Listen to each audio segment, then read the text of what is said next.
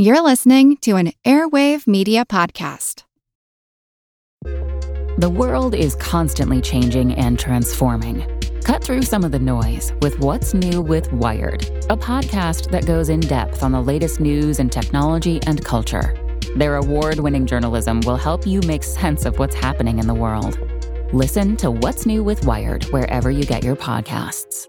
That's What's New with Wired wherever you get your podcasts. We all know how important it is to keep your eye on the money, and not just your own. Stay on top of the latest financial and market news with Yahoo Finance, a podcast that releases new episodes almost every day. You'll hear a brief overview of the biggest news in the financial world, all in three minutes or less, right after markets close. Check out Yahoo Finance wherever you get your podcasts. That's Yahoo Finance wherever you get your podcasts. This is Kick Ass News. I'm Ben Mathis. Hey, folks, I have a couple of quick announcements as we kick off the new year here. I hope you'll help us fund our production costs for 2017 so I can keep providing you brand new podcasts twice a week. Show your support for the show by giving to our GoFundMe campaign at gofundme.com slash kickassnews or click on the donate button at kickassnews.com. Whatever you can give is always appreciated and will help us keep going over here in 2017.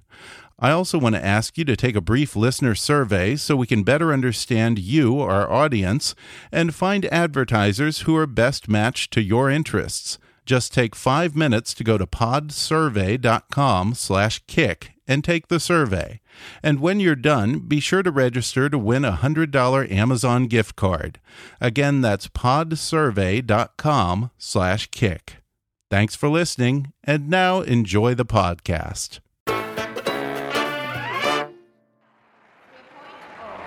And now Greg Louganis.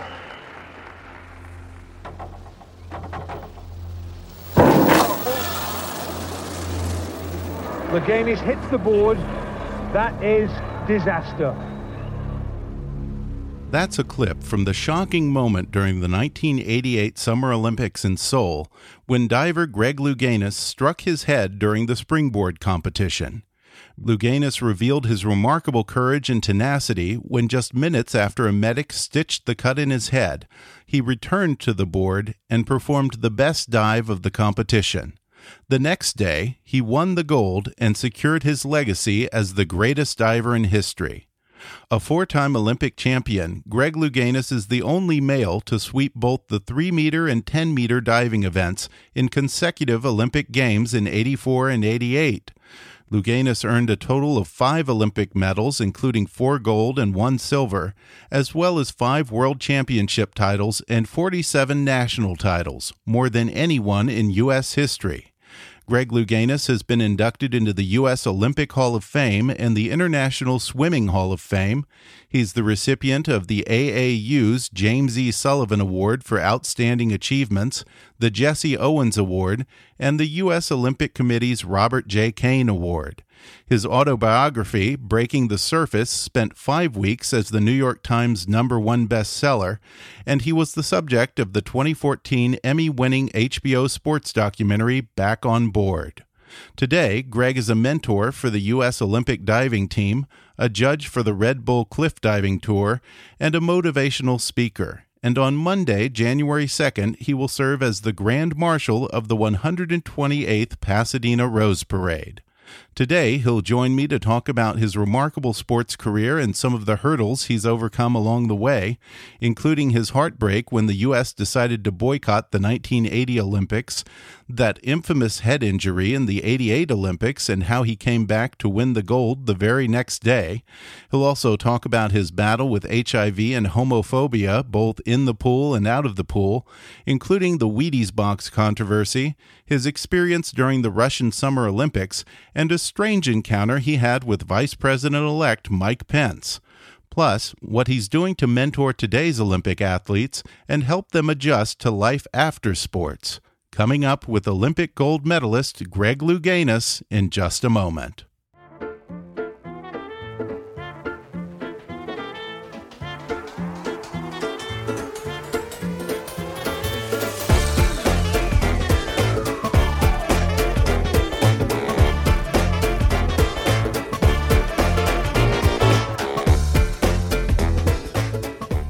Greg Louganis is widely considered to be the greatest diver that ever lived. He's the winner of four Olympic gold medals and a silver medal, and he's the only athlete to win golds in both platform and springboard diving in the back to back Olympic Games in 1984 and 1988. He's also a number one best selling author, a mentor to competitive divers, an activist for LGBT rights, and an inspiration to those living with HIV. On Monday, January 2nd, he'll serve as the Grand Marshal of the 128th Pasadena Rose Parade, an honor which he'll share with his fellow Olympic medalists, Janet Evans and Allyson Felix. Greg Louganis, thanks for joining me over the phone. Sure, my pleasure. How did you get into diving to begin with? Because weren't you originally studying gymnastics as a kid? Yeah, well, I, I started uh, when I was a year and a half doing acrobatics and dance um, jazz and tap. And then I got a partner when I was three. I was performing on stage, and um, then she, my partner went. She went into gymnastics, and I followed her into gymnastics when I was about seven. And then uh, when I was eight, we had a pool built in our backyard, and my mom didn't want me to kill myself, so she got me lessons. and the first day out to lessons, the coach asked me if I'd join the club team, and I said I'd think about it and my my first love was gymnastics. So it was my hopes and dreams to make the Olympic team in gymnastics. But when I was 12, I had um, it's called Osgood-Schlatter's, which I guess is uh, uh, I understand is pretty common with young active kids. And so I was um, having water on the knee and having it drained, and it was very painful. And so my doctor said that I could continue diving, but I had to quit everything else. So all of those disciplines dance, acrobatics, uh, gymnastics um, all of that energy was focused into one discipline, and that was diving. A year later, I was world champion for my age group, and three years later, I was uh, on my first Olympic team. You were 16 when you competed in your first Olympic Games. Uh, did you feel that you were ready then? In 1976, I was this young kid and um, you know not really proven. But um, Klaus Dibiasi was going for his third Olympic gold medal in men's platform. My coach won two gold medals, 48 and 52. Helped coach Bobby Webster, who won in 60 64. And so an Italian was going to be breaking their record, you know, if he were successful in Montreal. So my sole purpose on this earth was to prevent Klaus from winning that gold medal. All of my training sessions were about beating Klaus. You know, it was, he'd always set up the situation okay, Klaus is leading by 12 points. You need nines on this dive. Well, sometimes I was successful and sometimes I wasn't. But um, it was all about beating Klaus. Your next shot was going to be in 1980 but in 1980, the U.S. boycotted the Olympic Games over the Soviet war in Afghanistan. Now, with a pretty limited window as an Olympic athlete, you only get so many shots at winning the gold. Was 1980 frustrating or maybe even heartbreaking to put in so much time and dedication and then have to just sit that one out? It was. It was. It was a heartbreak. It was. Uh, um, I was one of the team captains uh, of the 1980 Olympic team. We we chose an Olympic team, and um, our what we wanted to do, and our voices were never heard, was we wanted to send one athlete in carrying the flag to the opening and closing ceremonies, and then we had an incredibly talented team in all sorts of disciplines. So we wanted to go there and, and do really well but uh, have our our voices heard by just not participating in the opening and closing ceremonies as a team. And you said that if you had gone in 1980 and if you had won, you probably would have retired and moved on because you weren't really enjoying the sport as much. Why weren't you enjoying diving at that point in your life? Well, I was in college and um, I was a, a theater major minor in dance, and so you know I really wanted to pursue my um, you know my career in uh, either theater or uh, TV or film. You won two gold medals in 1984. And I think nowadays it looks to many as if you were kind of upstaged by Mary Lou Retton when it came to the endorsement deals. Um, you didn't get a Wheaties box. You didn't get the I'm going to Disneyland commercial. Uh, how much of that did you think was perhaps because potential sponsors thought that your personal life could have been a liability for them somehow? There were so many stories out of the 84 Olympic Games. We had so many. Um, uh, you know, incredible stories. Uh, Nancy Hogshead, mm-hmm. uh, Rowdy Gaines, Edwin Moses, Carl Lewis. Um, you know, but the media, you know, just kind of surrounded um, Mary Lou. You know, and you know, she was like the little Energizer Bunny. You know, so like kind of latched onto that. I mean, but you know, that's that's life. You know, that's what you know that's the reality of it you know but a lot of us you know on the outskirts are like you know oh well you know we're we're not on that that caliber yeah and and and that that's a choice yeah. that's made by advertising agencies um you know so those kinds of things are kind of out of your control yeah, it, it must be somewhat offensive when you're told by some corporation that you don't fit their idea of what healthy or normal is. Yeah. Yeah. I mean, that, but you know what? That's fine. I mean, that, you know, when, um, you know, because I was with Speedo for many, many years. Mm -hmm. And then mm-hmm. I, you know, um, I, I was also with Banana Boat. Um, right. You know, so, you know, I had a number of contracts. Um, but uh, you know, one one of the things that as an athlete you sign as as a talent or spokesperson is a morals clause. Oh, really? I didn't know that. As athletes yeah. as well? See, because I always think of that as being old Hollywood studios that would do that. No, no I well, that's probably where they got it from. Yeah. But uh, you know, you you sign a morals clause. So in '84, my um, my contract was up with Speedo because it uh, you know it has to have an end date, and so uh, Linda Wachner, who at that time was president and CEO of uh, of Speedo Authentic Fitness, you know, she said, "Well, we want to extend your contract." And that's when we had uh, I had been working on my my book Breaking the Surface with Eric Marcus, and so I said, "Linda, we got to sit down and talk." and I told her, you know, what uh, what was going to be in the book, going to come out about my sexual identity, um, and, and as well as my HIV status. And she, you know, all she was concerned about was she didn't want me to lose my house. Mm-hmm.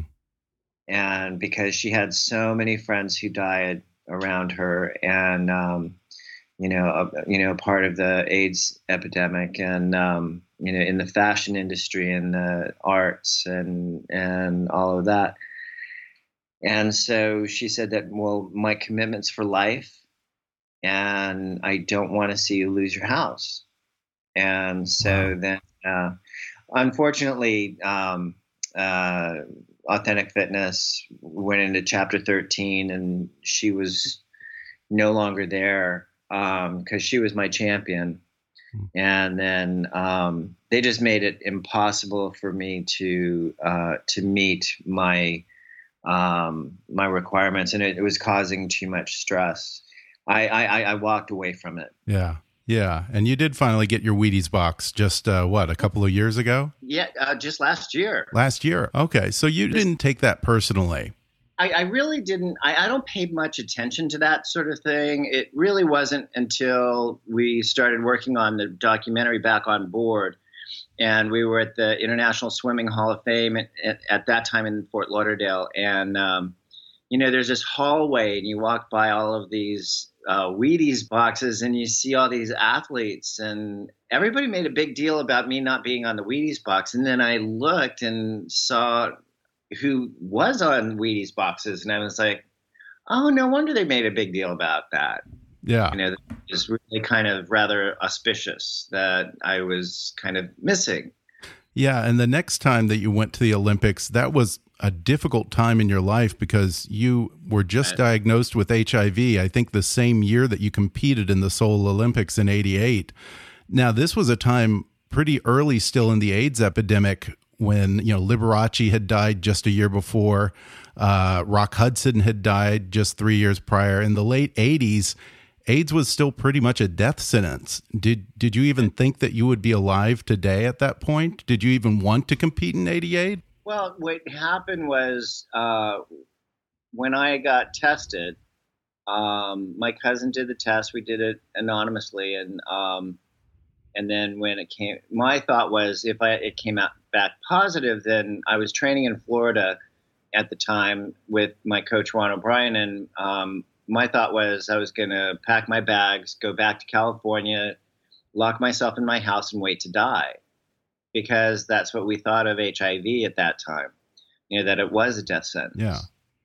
And so, in talking with my doctor, who is also my cousin, he said the healthiest thing for me was to be continue training. This was six months prior to the Olympic Games, and he said, you know, there's no telling how long you have been positive. So, you know, the healthiest thing for you is to continue training. You know, the only problem was, you know, we couldn't tell anybody because had anybody known about my HIV status at that time, I wouldn't have been allowed into the country of Seoul, Korea to compete at that Olympic Games. Yeah, I think, didn't you say that uh, your coach had to sneak in your AZT in his bags? Yeah, he didn't want to take any chances.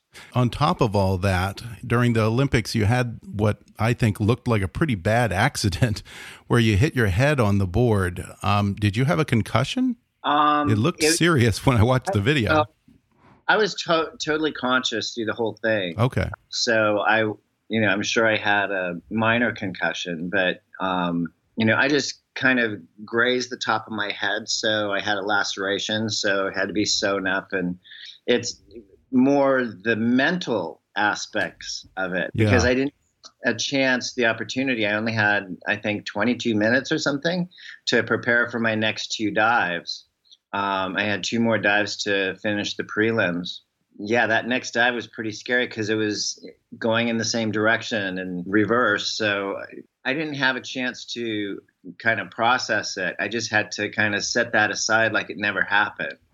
Yeah, I was going to say that's the kind of thing that could really mess up your mental game as an athlete under pressure.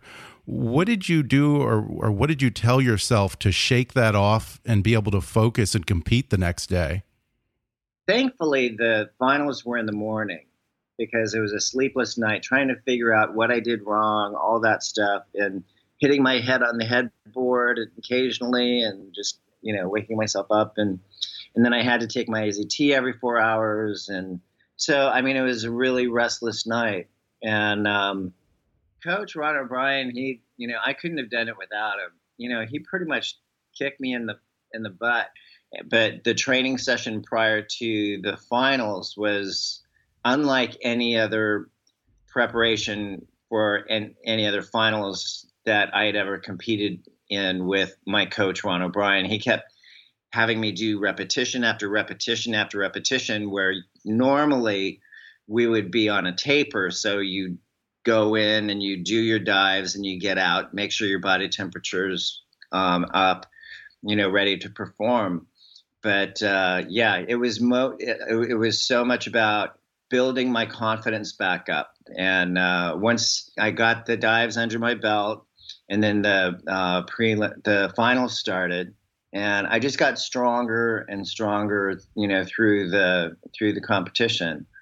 Um, so it was it was really, I mean, we we got through that Olympic Games together. Yeah, and you retired after 1988 when you won another two golds. Um. After you retired from diving, you were absent from the sport for I think almost 20 years. Why did you decide to leave the sport for a period?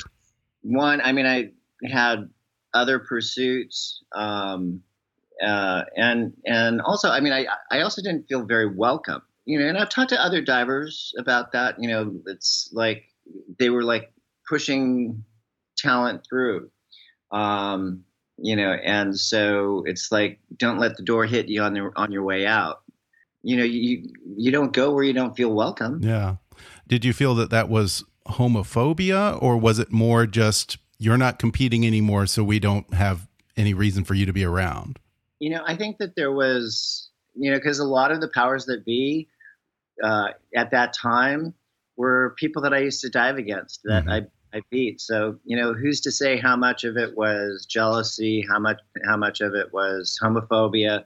I know my coach said that, you know, you'd be surprised. It's, you know, he he felt that it was a lot a lot more about homophobia than um, than I did. I, I, I tried to give them the benefit of the doubt. Although your close friends and family knew that you were gay, you didn't publicly come out till I think around 1995. Now, help me out with this because if I had been you and I had been an Olympic gold medalist, I would have thought that the best time to come out would have been when you're returning from Seoul with two gold medals around your neck. You're the greatest diver in history. Everybody loves you, and you're retiring from the competition at the top of your game. I would have thought that would be the the the best time to possibly come out. Why did you decide to wait? One, I was diagnosed HIV positive, and mm -hmm. two, I was also I, I, was in an abusive relationship. Oh yeah. So physically and mentally abusive relationships. So when I went home, um, you know, I heard rumors of things that were going on that Jim was doing, and so I had to play detective and found that I only had $2,000 to my name. Everything else was in his name. Wow. Or held jointly because he had power of attorney while I was busy training. I was preoccupied with that. And then in 89, uh, my dad was diagnosed with cancer and he passed in 91. Jim filed a palimony suit in 89 and he passed in uh, the uh, like end of 90 so um, okay yes. so you, that was not a good time to, to add something else onto your plate that's what you're saying lots of stuff that i was i, I was tr trying to yeah. deal with yeah. Well, you eventually you did come out of the closet and you've since become something of a hero in the LGBT community and an activist in the fight to cure AIDS but you've said that you never thought of yourself as being particularly political. Is that a role that perhaps you're growing more comfortable with now? Yeah, in light of things, yeah. I mean, it's it's something that we've come so far. I don't see us going backwards. Number one, but also Hillary sent my husband and I to Nepal because she wanted to outreach to the international LGBTQI people because they were the most discriminated against.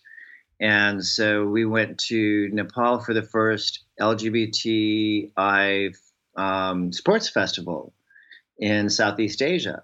And so being a part of the American embassy and, and um, being a part of that was, you know, was, was wonderful. It was great.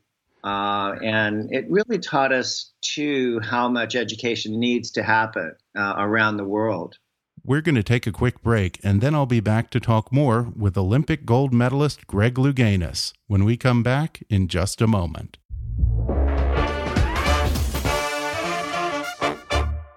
Hey, folks, do you like reading but find it's getting harder and harder to make time to curl up with a good book? Well, there's a solution. Give audiobooks a try.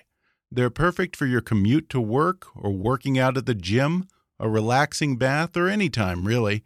And right now, you can take an audiobook for a spin with a special promotion just for our listeners from audible.com. Just go to audibletrial.com slash kickassnews to get a free 30-day trial and download any of Audible's 180,000 titles entirely for free. That's audibletrial.com slash kickassnews. Or click on the sponsor link on our webpage to download the free audiobook of your choice. And now back to the show. Your manager, Greg, had told me that I had to ask you about an interesting encounter that you had with our vice president elect, Mike Pence, um, who has been, I think, a proponent of conversion therapy. Um, how did that meeting go? it, it was interesting because I was heading up to Indianapolis to meet Jeannie White, because it was the 25th anniversary of the passing of Ryan White, who contracted HIV through his clotting factor.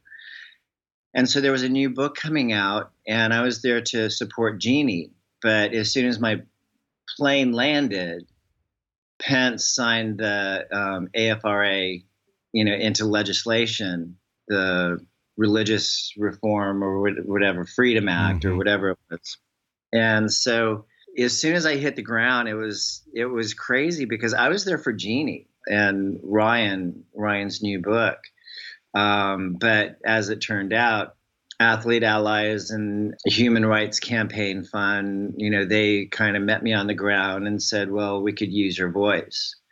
And so I went to. Uh, it was supposed to be a, a press conference, and I figured, you know, no harm, no foul. You know, you know, I'd just like to hear what he had to say.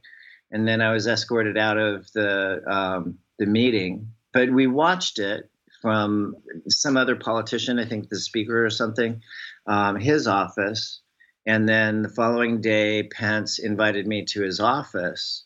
Um, and it was surreal. I, you know, but we didn't want it to turn into like a photo op for, you know, for Pence. Yeah. And so, you know, I went there with uh, you know, a gentleman from the Human Rights Campaign Fund.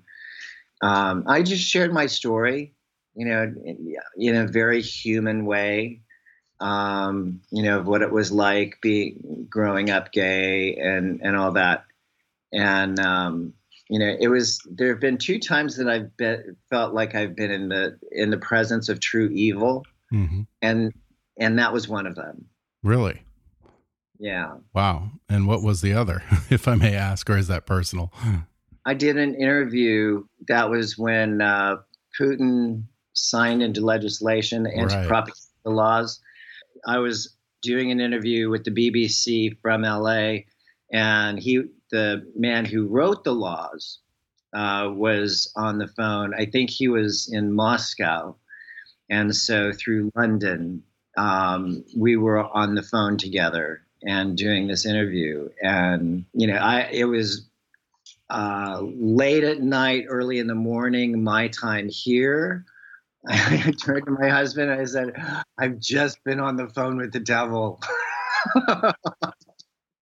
I swear, like it was like you know it's it's really terrifying. And you attended the sochi winter olympics where putin had passed this law that basically said gays weren't allowed to kiss or hold hands in public or wave a rainbow flag. Um, did you break the ban while you were there? No i was not i did not go to sochi. Oh i thought you i thought i'm sorry i thought you did attend. I was not a part of the delegation that was named. I was on the short list instead um, of going to Sochi, there was five days between the end of the Olympic Games and the beginning of the Paralympic Games. And in that five days um, in Moscow, they had the LGBT Russian Open Games. I went to that. Okay. And um, Moscow was not Sochi.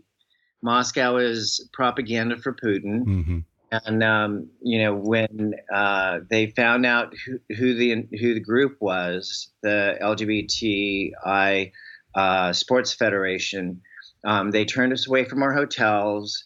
There were bomb threats. Really, we were escorted out of uh, facilities that we already had re- reservations to um, to occupy um, and have you know just panel discussions. Um, we were shepherded off the ice at you know, one venue because Constantine, he was a figure skater, and um, so he wanted to do a little, you know, adult kind of figure skating workshop, and um, they closed the rink down. Um, Did you feel was, threatened?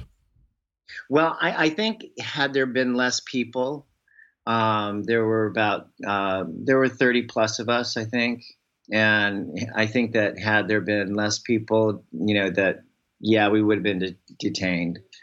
Wow. Um, but uh, it, it, was interesting because I learned the difference in in that um, you know society. It's you have the police, you know, which is more for the people, mm-hmm. and um, you know they're kind of in their corner. And then you have the Cossacks, and the Cossacks, um, you know, override the police because they answer to Putin. You know, because he was head of the KGB. Well, alongside your activism for LGBT rights, um, you have since rejoined the sport of diving in a way as a mentor with USA Diving.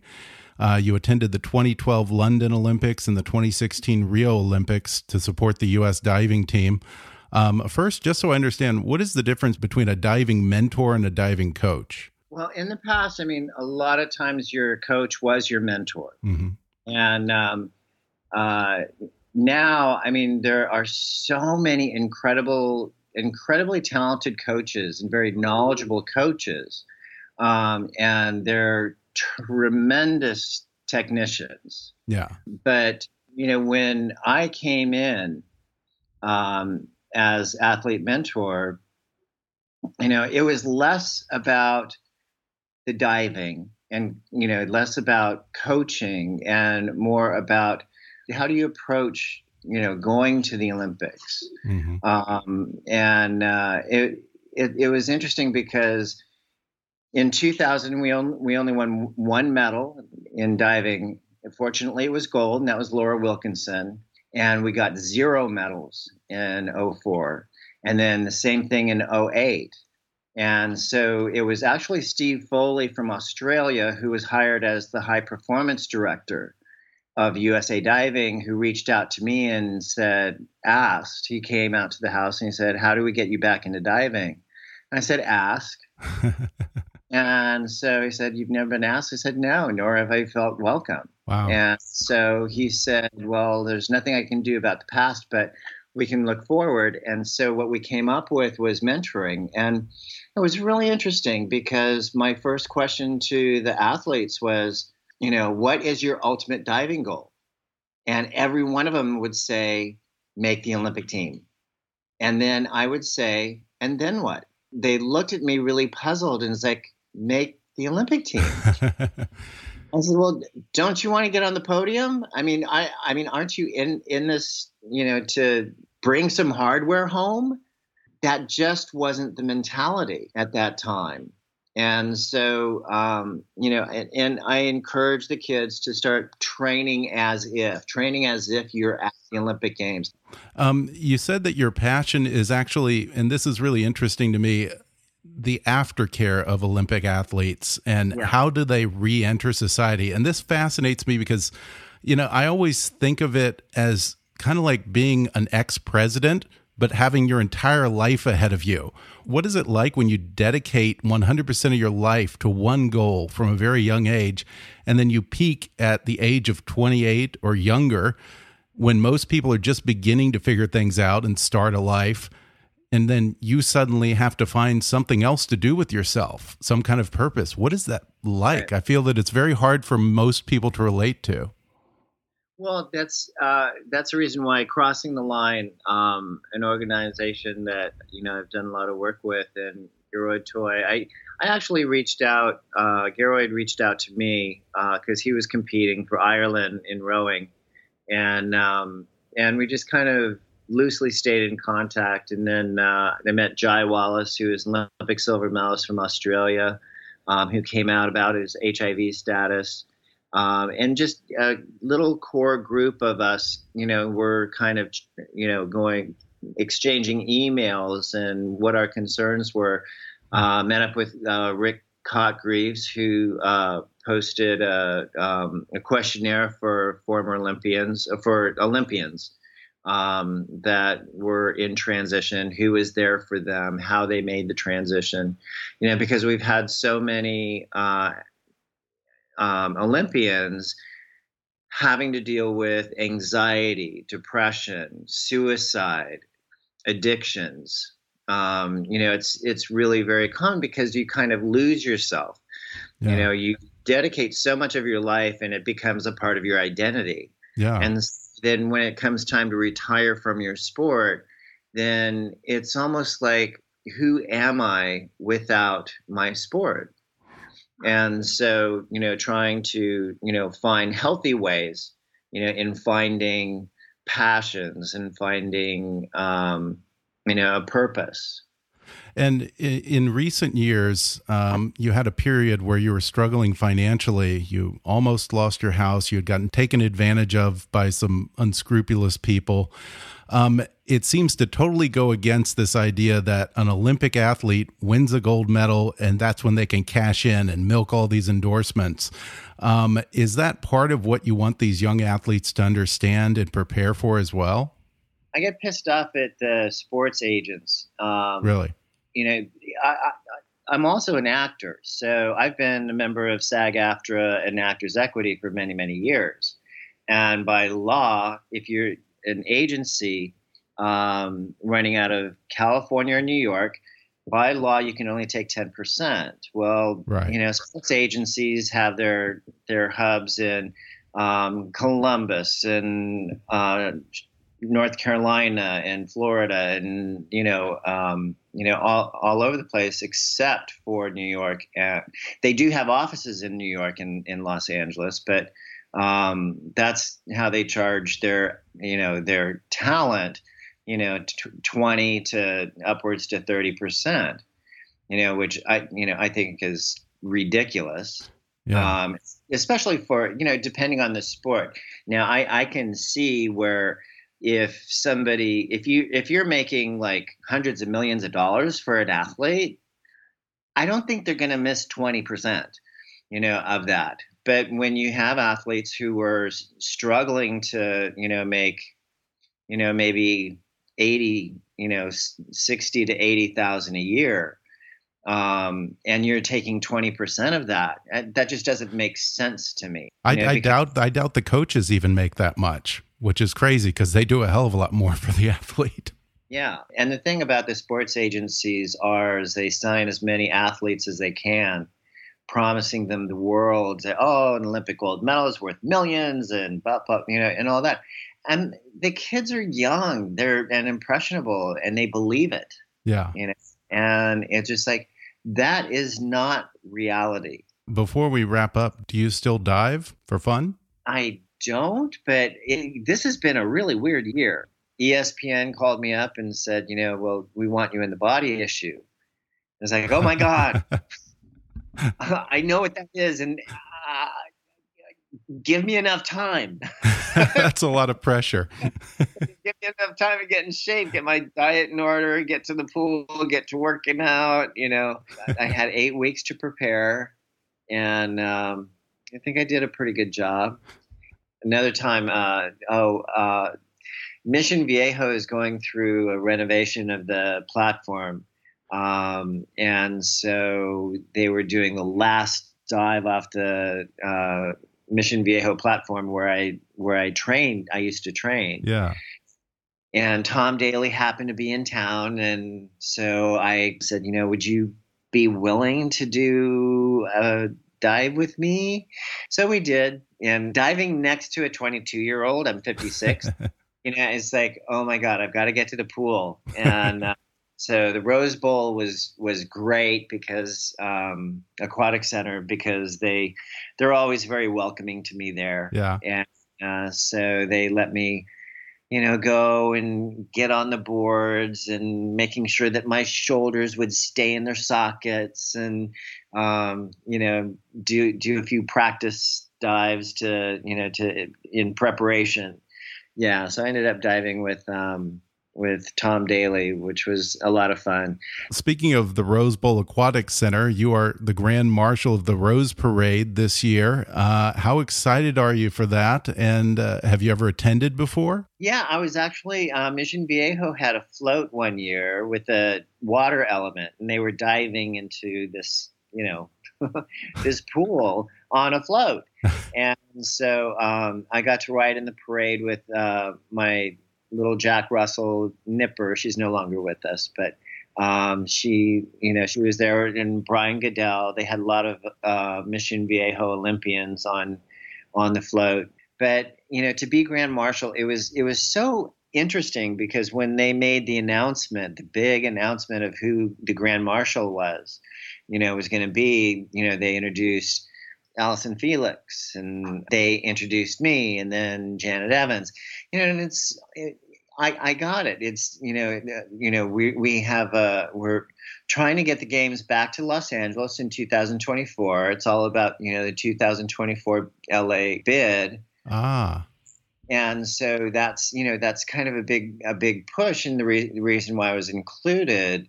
So I'm thinking as an athlete, and then after we were introduced, and then reporters started coming, you know, through the line and interviewing each one of us and one of the reporters turns to me and said, How does it feel to be the first openly gay grand marshal at the at the and I said, "Really?" I said, "Are you sure about that?" You know, and they said, "Yeah, yeah." And it's like, "Wow, that is like really, really cool." That's funny. I'm trying to think about that. I'm trying to think back. I mean, there may have been some who were in the closet, but I'm trying to remember. They might be right about that. Yeah. So Pasadena's you know, a pretty conservative place, you know. I, know, I know, and, and, and, that got me started. I started thinking, gee, I wonder if they really thought this through when they asked me to do this. but you know, and you know, it, it's just a part of who I am. It's just me. Yeah. You know, Greg Louganis, who happens to be gay. Well, practice your wave. Yeah, the Royal Rose Wave. Yeah. well, the Rose Parade airs Monday, January 2nd at 8 a.m. Pacific on ABC. And Greg, where can people keep up with you online? Well, you can go to um, Louganis.com. Uh, that's my website and keep up with me there. And I'm also on social media at Greg Louganis. Excellent. Well, we'll look for you on Monday on the Rose Parade. Greg Louganis, thanks so much for joining me over the phone. My pleasure. Thanks again to Greg Louganis for joining me on the podcast, and be sure to watch him in the 128th Annual Pasadena Rose Parade on ABC at 8 a.m. Pacific on Monday, January 2nd. For more information on Greg, visit greglouganis.com. That's Greg, L O U G A N I S. And follow him on Facebook and on Twitter at, at Greg. Don't forget to take our listener survey so we can keep the show free and find advertisers who are best matched to you, our listeners. Just take five minutes to go to podsurvey.com slash kick and take the survey. And when you're done, be sure to register for that $100 Amazon gift card giveaway. Be sure to subscribe to Kickass News on iTunes and leave us a review while you're there. And you can visit Kickass News on Facebook or follow us on Twitter at, at KAPolitics. And please be sure to recommend Kickass News to your friends on all your social media. And if you really want to help us out, then donate to our GoFundMe campaign at gofundme.com slash kickassnews or click on the donate button at kickassnews.com. As always, I welcome your comments, questions, and suggestions at comments at kickassnews.com. For now, though, I'm Ben Mathis, and thanks for listening to Kickass News.